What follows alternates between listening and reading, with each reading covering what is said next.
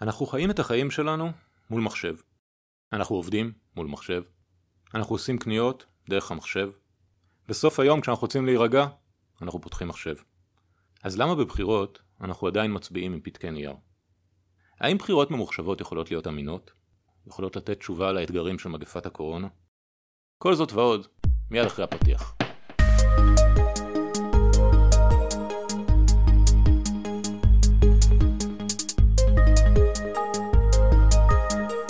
שלום וברוכים הבאים למחקר בשלוש קריאות, הפודקאסט של מרכז המחקר והמידע של הכנסת. אני עידו אבגר, ואיתנו היום אודי בקר, חוקר אצלנו במרכז, שידבר כאמור על בחירות ממוחשבות. שלום אודי. שלום עידו. אודי, מהן בחירות ממוחשבות? נתחיל בלהגיד מהן בחירות. בישראל, בבחירות אנחנו אה, בעצם מגיעים לקלפי ובוחרים בפתק איזו רשימה אנחנו רוצים שתייצג אותנו בכנסת, או מי המועמד שלנו לראשות העיר. בחירות ממוחשבות הן בחירות שבהן יש מעורבות של מחשב באיזשהו שלב בתהליך הבחירות, אה, או בתהליך ההצבעה עצמו. כלומר, או שאנחנו מזדהים מול מאגר ממוחשב, או באמצעות מערכת ממוחשבת, או שהבחירה עצמה נעשית בעזרת מחשב, למשל באמצעות צג מגע, או שספירת הקולות נעשית באופן שהוא מאוד ממוחשב, למשל ששולחים את הנתונים באמצעות מחשב מכל קלפי למאגר המרכזי. להבדיל, יש בחירות מקוונות. בחירות מקוונות זה מונח שהרבה פעמים אפשר לבלבל בינו לבין בחירות ממוחשבות, אבל בחירות מקוונות הן בחירות שנעשות באינטרנט, אונליין. כמו שהיום אני נכנס לבנק אה, דרך אתר האינטרנט, בבחירות מקוונות אני יכול גם להצביע דרך האינטרנט. אוקיי, okay, זאת הבחנה חשובה. אז על מה בעצם אנחנו מדברים פה היום? אנחנו נדבר היום על בחירות ממוחשבות באופן רחב, גם על בחירות מקוונות, אבל בכלל על המעורבות האפשרית של אה, מחשבים בשלבים השונים של הבחירות. אוקיי, okay, אז בוא, בוא נתחיל מה, מהפן הממוחשב. בעצם אמרת שהמחשוב יכול לפגוש את הבוחר בשלבים שונים של התהליך. אתה יכול לפרט טיפה? כן, כמו שאמרתי, השלב הראשון הוא באמת כשאתה מגיע לקלפי ומזדהה. היום בארץ אתה מזדהה בעצם מול ועדת הקלפי שמסמנת אותך על דף מודפס שיש אצלה. רשימת בעלי זכות הבחירה שאמורים להצביע בקלפי הזו. בבחירות ממוחשבות היינו אומרים ששלב הזיהוי יכול להיעשות מול מערכת ממוחשבת. למשל שוועדת הקלפי תשתמש במחשב שמכיל את הפרטים של כל המצביעים באותה קלפי או בקלפיות אחרות. אפשרות אחרת היא גם בכלל הזדהות מול מחשב בלי מעורבות אדם, למשל באמצעות תעודות חכמות. לאחר מכן מגיע שלב ההצבעה עצמו, כלומר אה, שההצבעה לא נעשית באמצעות פתק נייר ומעטפה אלא באמצעות מחשב, אה, למשל על, די, על צג מגע. לבסוף השלב השלישי הוא באמת ספירת הקולות. אה, האם הספירה הזאת נעשית על ידי מחשב כמו מערכת שסופרת שטרות בבנק או פשוט מערכת שסופרת הצבעות ממוחשבות שנעשו במקום והאם המידע הזה עובר באמצעות רשת אינטרנט או רשת אחרת כדי להגיע לתוצאה הכללית. אוקיי, okay. תיארת בעצם אה, אה, שלבים שונים שבהם אה, המחשוב אה, עשוי להתבצע. אה, אני מניח שבכל שלב יש יתרונות וחסרונות לבחירה הממוחשבת אל מול הבחירה הידנית. אני חושב שאם נזקק את זה, אז אה, שני החסרונות העיקריים של מערכת כזאת הם גם העלות של מערכת כזאת, ההקמה שלה והתחזוקה שלה, אבל ההיבט השני שהוא בעיניי חשוב יותר הוא היבט האמון.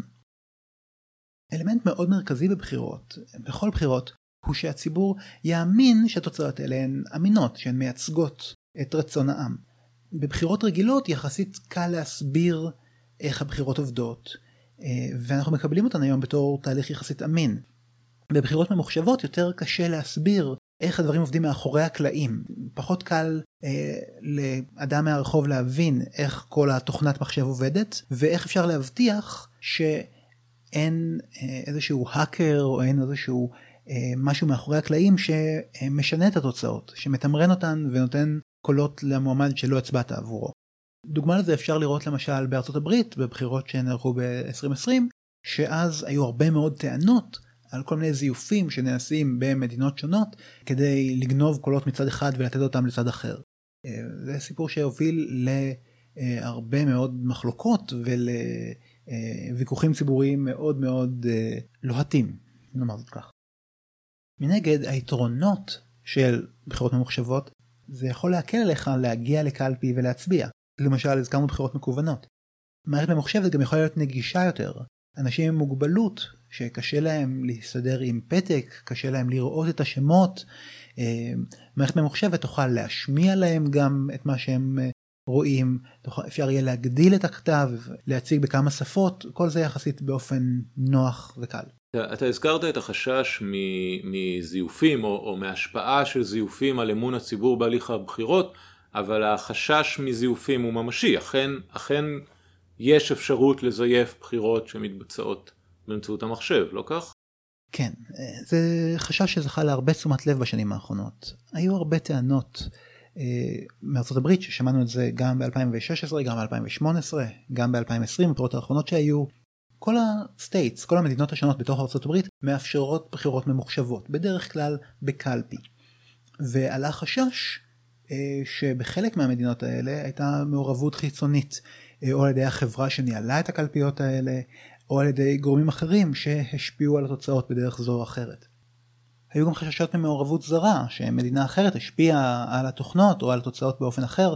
אמ, זה חשש שנבדק, הייתה ועדת חקירה של הקונגרס שבחנה את הנושא הזה ולא מצאה ראיות, היו גם כל מיני בדיקות ב states השונות, אבל זה חשש שעדיין אפשר להגיד גם בשנת 2021 הוא המשיך להיות שריר וקיים בהלך הרוח של הרבה מאוד אמריקאים. היו גם מדינות בעולם שאפשרו לקבוצות מסוימות במדינה, למשל אנשים עם מוגבלות או אנשים שגרים רחוק מקלפי, להצביע באופן מקוון, והיו מדינות שביטלו את האפשרות הזאת בגלל חשש ממעורבות זרה, מהשפעה אמ, זרה על מערכות הבחירות. איך אפשר לצמצם את, ה... את החשש מזיופים? זאת שאלה עם תשובה מאוד מאוד מורכבת. כי תהליך הבחירות הוא תהליך של ניהול סיכונים. זאת מערכת עם המון חלקים נעים, ואין דרך להפחית את הסיכון לאפס באופן מוחלט. אתה יכול לצמצם אותו ככל הניתן. מי שישקיע מספיק זמן ומאמץ יוכל למצוא דרך לרמות, השאלה היא עלות תועלת, כמה הוא יצטרך להתאמץ כדי לשנות כמה קולות.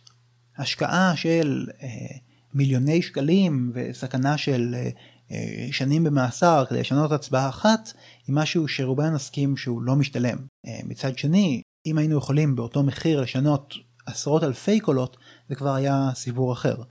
כאן מגיע החשש מבחירות ממוחשבות, כי לכאורה הרבה יותר קל אם הקלפי מחוברת לרשת אינטרנט, או שהיא ממוחשבת ואפשר לגשת למידע בדרך אחרת, הרבה יותר קל לערוך כמות גדולה יותר של קולות ולשנות אותם מאשר במצב אחר, מצב שבו הבחירות לא נעשות באופן ממוחשב.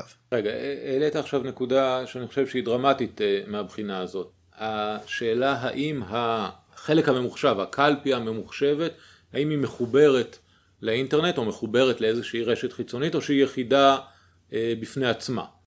נכון, זאת נקודה שהיא מאוד קשורה לאבטחת מידע. אם קלפי מחוברת לרשת האינטרנט, זה אומר שקל יותר להאקרים להתחבר אליה. מדי שנה יש בלאס וגאס הברית כנס האקרים גדול, אה, שבו יש תחרות לפריצה למערכות קלפי של אה, מדינות שונות הברית. וזה משהו, משהו שנמדד בדקות לראות כמה באיזו קלות אפשר לפרוץ לקלפי. אפשר לפרוץ למערכות כאלה כמובן שזה דורש גישה כזו או אחרת למערכת אולי באמצעים פיזיים אולי אה, באופן אה, אלחוטי אבל ככל שקל יותר לגשת אליה יותר קל לפרוץ אליה. אתה אומר ההאקרים האלה בעצם מקבלים בלאס וגאס הם מקבלים גישה פיזית אל, ה, אל המערכת ואז הם כן. יכולים לפרוץ אליה. ברגע שאתה מבטל את הגישה הפיזית אתה כמובן מגביל את היכולת. אבל יכול להיות גם דברים הרבה יותר פשוטים. אחת מההאשמות שהיו ב-2020 הייתה שהחברה שמייצרת את המכונות כבר מראש רצתה להשפיע על תוצאות ושינתה את התוכנה ששימשה כדי שאנשים יצביעו ואז אם אני רוצה לזייף את ההצבעה אני לא צריך בכלל שהמערכת תשנה את הספירה בדיעבד אלא פשוט שהיא תשנה כך שבן אדם כשהוא מצביע למועמד א' תירשם הצבעה למועמד ב'.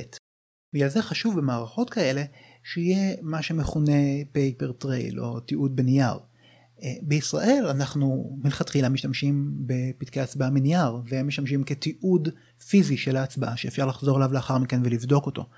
אה, בארצות הברית בהרבה מערכות אין את אותו תיעוד פיזי אה, ולכן מה שרשום במכונה זה מה שנתפס כמה שנכון ואין דרך לוודא את זה. התיעוד הזה, אני, אני מניח שאפשר אה, לקחת את זה לשני אפיקים, גם תיעוד מול המצביע עצמו כדי שהוא יראה מה הוא הצביע, אבל גם איזושהי אפשרות לחזור ולבחון הצבעה בקלפי מסוימת, לעשות ספירה חוזרת כפי שעושים. כן, זה כמו שאמרתי, אה, בארץ משתמשים בפתקי הנייר לזה. אה, בחו"ל זה יכול להיות למשל כמו סרט של חשבונייה כזאת שנשמר בתוך הקלפי עצמו. ככה זה נעשה בהצבעה בהודו. בעצם כשאתה מצביע יש סרט נייר שעליו מוטבעת ההצבעה שלך, בלי זיהוי שלך בתור המצביע, רק כשיש הצבעה עבור מפלגה מסוימת, הסרט מוצג למצביע לכמה שניות, ואז נבלע בתוך המכונה. אה, ובסוף אפשר, אם מעוניינים בכך, להוציא את הסרט ולראות כמה הצבעות ספציפיות היו לכל מפלגה. מה שכן, זה מעלה חשש לפן אחר של התנהלות בחירות, זה של החשאיות. אחד מהעקרונות של בחירות, גם בארץ, גם במדינות אחרות, זה שאנחנו רוצים למנוע זיהוי של מצביע עם ההצבעה שלו. וזה חשוב כדי שנוכל למנוע לחץ על המצביע להצביע באופן מסוים.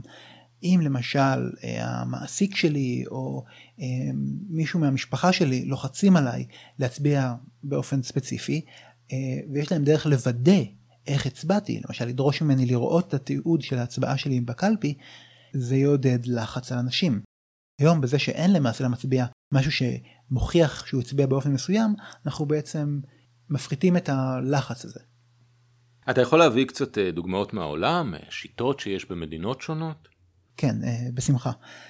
דיברתי עליך בעיקר על ארה"ב, בה זה מאוד נהוג, הנושא של בחירות ממוחשבות. דמוקרטיה אחרת שגם הזכרתי, שמשתמשת בבחירות ממוחשבות היא הודו, אה, הדמוקרטיה הגדולה בעולם, וזה יכול להפתיע אנשים שחושבים על הודו בתור מדינת עולם שלישי, אבל יש שם הצבעה במכונות. יש שם שני דברים מאוד יפים. דבר ראשון, כיוון שחלק מהאוכלוסייה שם לא יודע לקרוא, יש על המכונה סמלים של המפלגות, אתה יכול לבחור את הלוגו של הרשימה שאתה רוצה להצביע עליה. ודבר שני הוא כמובן התיעוד שהזכרתי כבר, תיעוד פנימי אה, של ההצבעה על סרט נייר שנשמר בתוך המכונה, שבסוף אפשר לחזור אליו ולספור כמה הצבעות היו, בלי לדעת מי הצביע למה. זו דוגמה אחת. אני אתן אה, דוגמה נוספת להצבעה ממוחשבת, היא דווקא הצבעה מקוונת באסטוניה. אסטוניה היא מדינה מאוד מפותחת דיגיטלית והיא המדינה היחידה נכון להיום שמאפשרת לכל האזרחים שלה להצביע אונליין אבל יש בה למעשה שילוב של השיטות. אתה יכול להצביע גם בקלפי, אה, זה דומה להצבעה במעטפה כפולה בישראל, ההצבעה בקלפי מבטלת את ההצבעה המקוונת, כי רואים שהצבעת גם בקלפי. ובבחירות האחרונות בערך קצת פחות ממחצית מהמצביעים הצביעו בהצבעה מקוונת. בבחירות אחרות היה, היה סקר שראיתי שהסתכל כמה מדינות בעולם יש בהן שימוש כלשהו בהצבעה מקוונת והצבעה ממוחשבת וראו שם שמתוך 178 מדינות ב-32 יש הצבעה ממוחשבת כלשהי זה יכול להיות ברמה הלאומית ברמה המקומית זה יכול להיות למשאלי עם אז ב-32 מדינות יש הצבעה ממוחשבת וב-10 יש הצבעה מקוונת. שוב זה לא חייב להיות זמין לכל האוכלוסייה אה, כל הזמן אבל זה זמין לפחות לחלק מהאוכלוסייה. ומה, ומה קורה בישראל? אני, אני אחדד, אני יודע שאין בישראל בחירות ממוחשבות, אבל אני מניח שהנושא עלה לדיון, נבדק, נשקל. כן, היו הצעות בעבר לקדם אה, הצבעה ממוחשבת. אני יכול להגיד שבשנת 2007 היה פיילוט אה, של קלפי ממוחשבת שהשתמשו בו בבחירות לרשויות המקומיות, וב-2008 ניסו לקדם חוק אה, וההצעה הזאת לא התקדמה.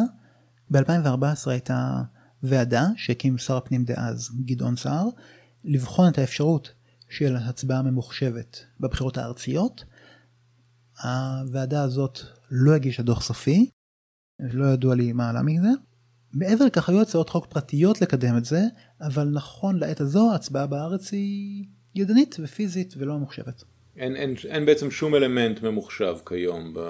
להגיד שאין שום אלמנט זה לא מדויק, כי בסופו של יום התוצאות מוזנות באיזושהי נקודה למחשב.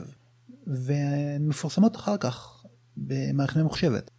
גם בבחירות האחרונות לרשויות המקומיות, הזנת התוצאות לקלפיות השונות הייתה דרך אפליקציה, אבל זה יחסית בשולי הדברים.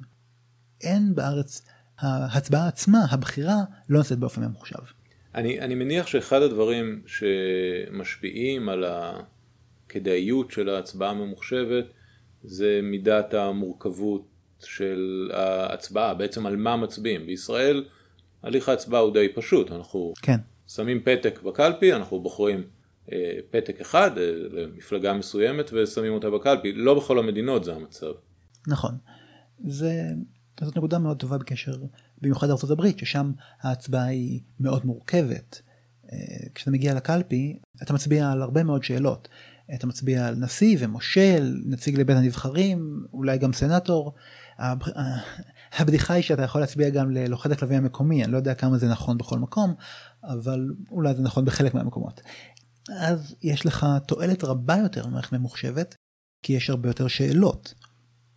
בארצות הברית גם המרחק אגב הוא אלמנט. הרבה יותר קל בשטח גדול לאסוף תוצאות באמצעות בחירות ממוחשבות מאשר בחירות פיזיות. זאת עוד סוגיה שבה בישראל יש למעשה פחות צורך בבחירות ממוחשבות. כי המורכבות הלוגיסטית, שהיא כבר קיימת והיא רבה, אבל היא לא דורשת איסוף במרחקים כל כך גדולים, ולא קבלת התועלת מבחירות ממוחשבות, שבעצם תאזן את הסיכונים האפשריים. אוקיי, okay, בוא נדבר על, ה, על הפיל שבחדר, אני לא יודע מתי המאזינים אה, פוגשים את, ה, את השיחה בינינו, אבל אנחנו אה, אה, כיום עדיין בליבו של אה, משבר הקורונה. כן. שמשפיע על הרבה תחומים, אבל בין השאר הוא משפיע על היכולת של אנשים להתקהל בתוך חדר. מה שבחירות בקלפיות דורש מידה רבה של התקהלות ותורים ויציאה מהבית וכולי. Mm-hmm. אז אני מניח שבחירות ממוחשבות יכולות להביא בשורה מסוימת דווקא לעידן הזה. כן, אז אם נתייחס לפיל החולה הזה שיש לנו בחדר, בחירות ממוחשבות יכולות לסייע, הן, שוב, זה לא מבטל את הסיכונים שנלווים אליהן, אבל על פני הדברים, בחירות מקוונות יכולות לעזור לאנשים שהם בבידוד, שקשה להם להגיע לקלפי, הם יכולים להשתמש במערכת כזאת כדי להצביע בלי להגיע לקלפי, עדיין לממש את זכותם הדמוקרטית בלי לצאת מהבית. מצד שני, הסכנה שנלווית לפריסת מערכת כזאת והעלות שנלווית לה מדובר על סיכונים גדולים שלא ניתן להתעלם מהם בקלות. אה, והם מצאו במדינות אחרות בעולם פתרונות אחרים שמאפשרים הצבעה גם לאנשים שהם בסגר או בבידוד. אני מניח שיש עוד היבטים של בחירות ממוחשבות שיכולים לסייע, למשל לאפשר גישה לקלפיות שונות באמצעות פנקס בוחרים ממוחשב, ואז למגן קלפיות באופן שונה או לייעד קלפיות לאנשים שהם בבידוד. אתה אומר בעצם שלא יהיה צורך במעטפה כפולה בשביל להצביע לא בקלפי שאליה אתה רשום, כי תהיה התראה במערכת באופן מיידי אם אתה מגיע להצביע בשתי כן. קלפיות. כן, אבל יש סיכונים נלווים גם לזה. כלומר, אם אני יכול להשפיע על הרישום הזה, אני יכול למנוע מאנשים את הזכות להצביע, כי איכשהו סימנתי שהם כבר הצביעו, למרות שהם לא עשו את זה. ואז לך תוכיח שלא הצבעת. גם כאן יש סכנות נלוות. אנחנו אוהבים להזדהות בתור מדינת הייטק, אומת הייטק, וזה נכון בהרבה מאוד היבטים, אבל בהיבט הספציפי הזה, יש יתרונות לא מעטים לפעולה שהיא לא דיגיטלית. אתה אומר שדווקא השימוש בנייר הפשוט, הפרימיטיבי, אה, עשוי במקרה הזה דווקא להיות אה, עדיף. אה, כן, אולי הוא לא מתקדם טכנולוגית מאוד, אבל מבחינת אבטחה, מבחינת לשמור על התהליך הדמוקרטי אמין ותקין, נכון לעת הזו, ואני זהיר מה שאני אומר, נכון לעת הזו, מערכות ממוחשבות עדיין לא נותנות מענה אמין באותה המידה. אה, טוב, אודי, תודה רבה. תודה לך. זה היה מעניין מאוד. אה, כמובן שכל המידע אה, שדובר פה תוכלו למצוא באתר של מרכז המחקר והמידע של הכנסת, ואנחנו ניפגש בפודקאסט הבא. להתראות.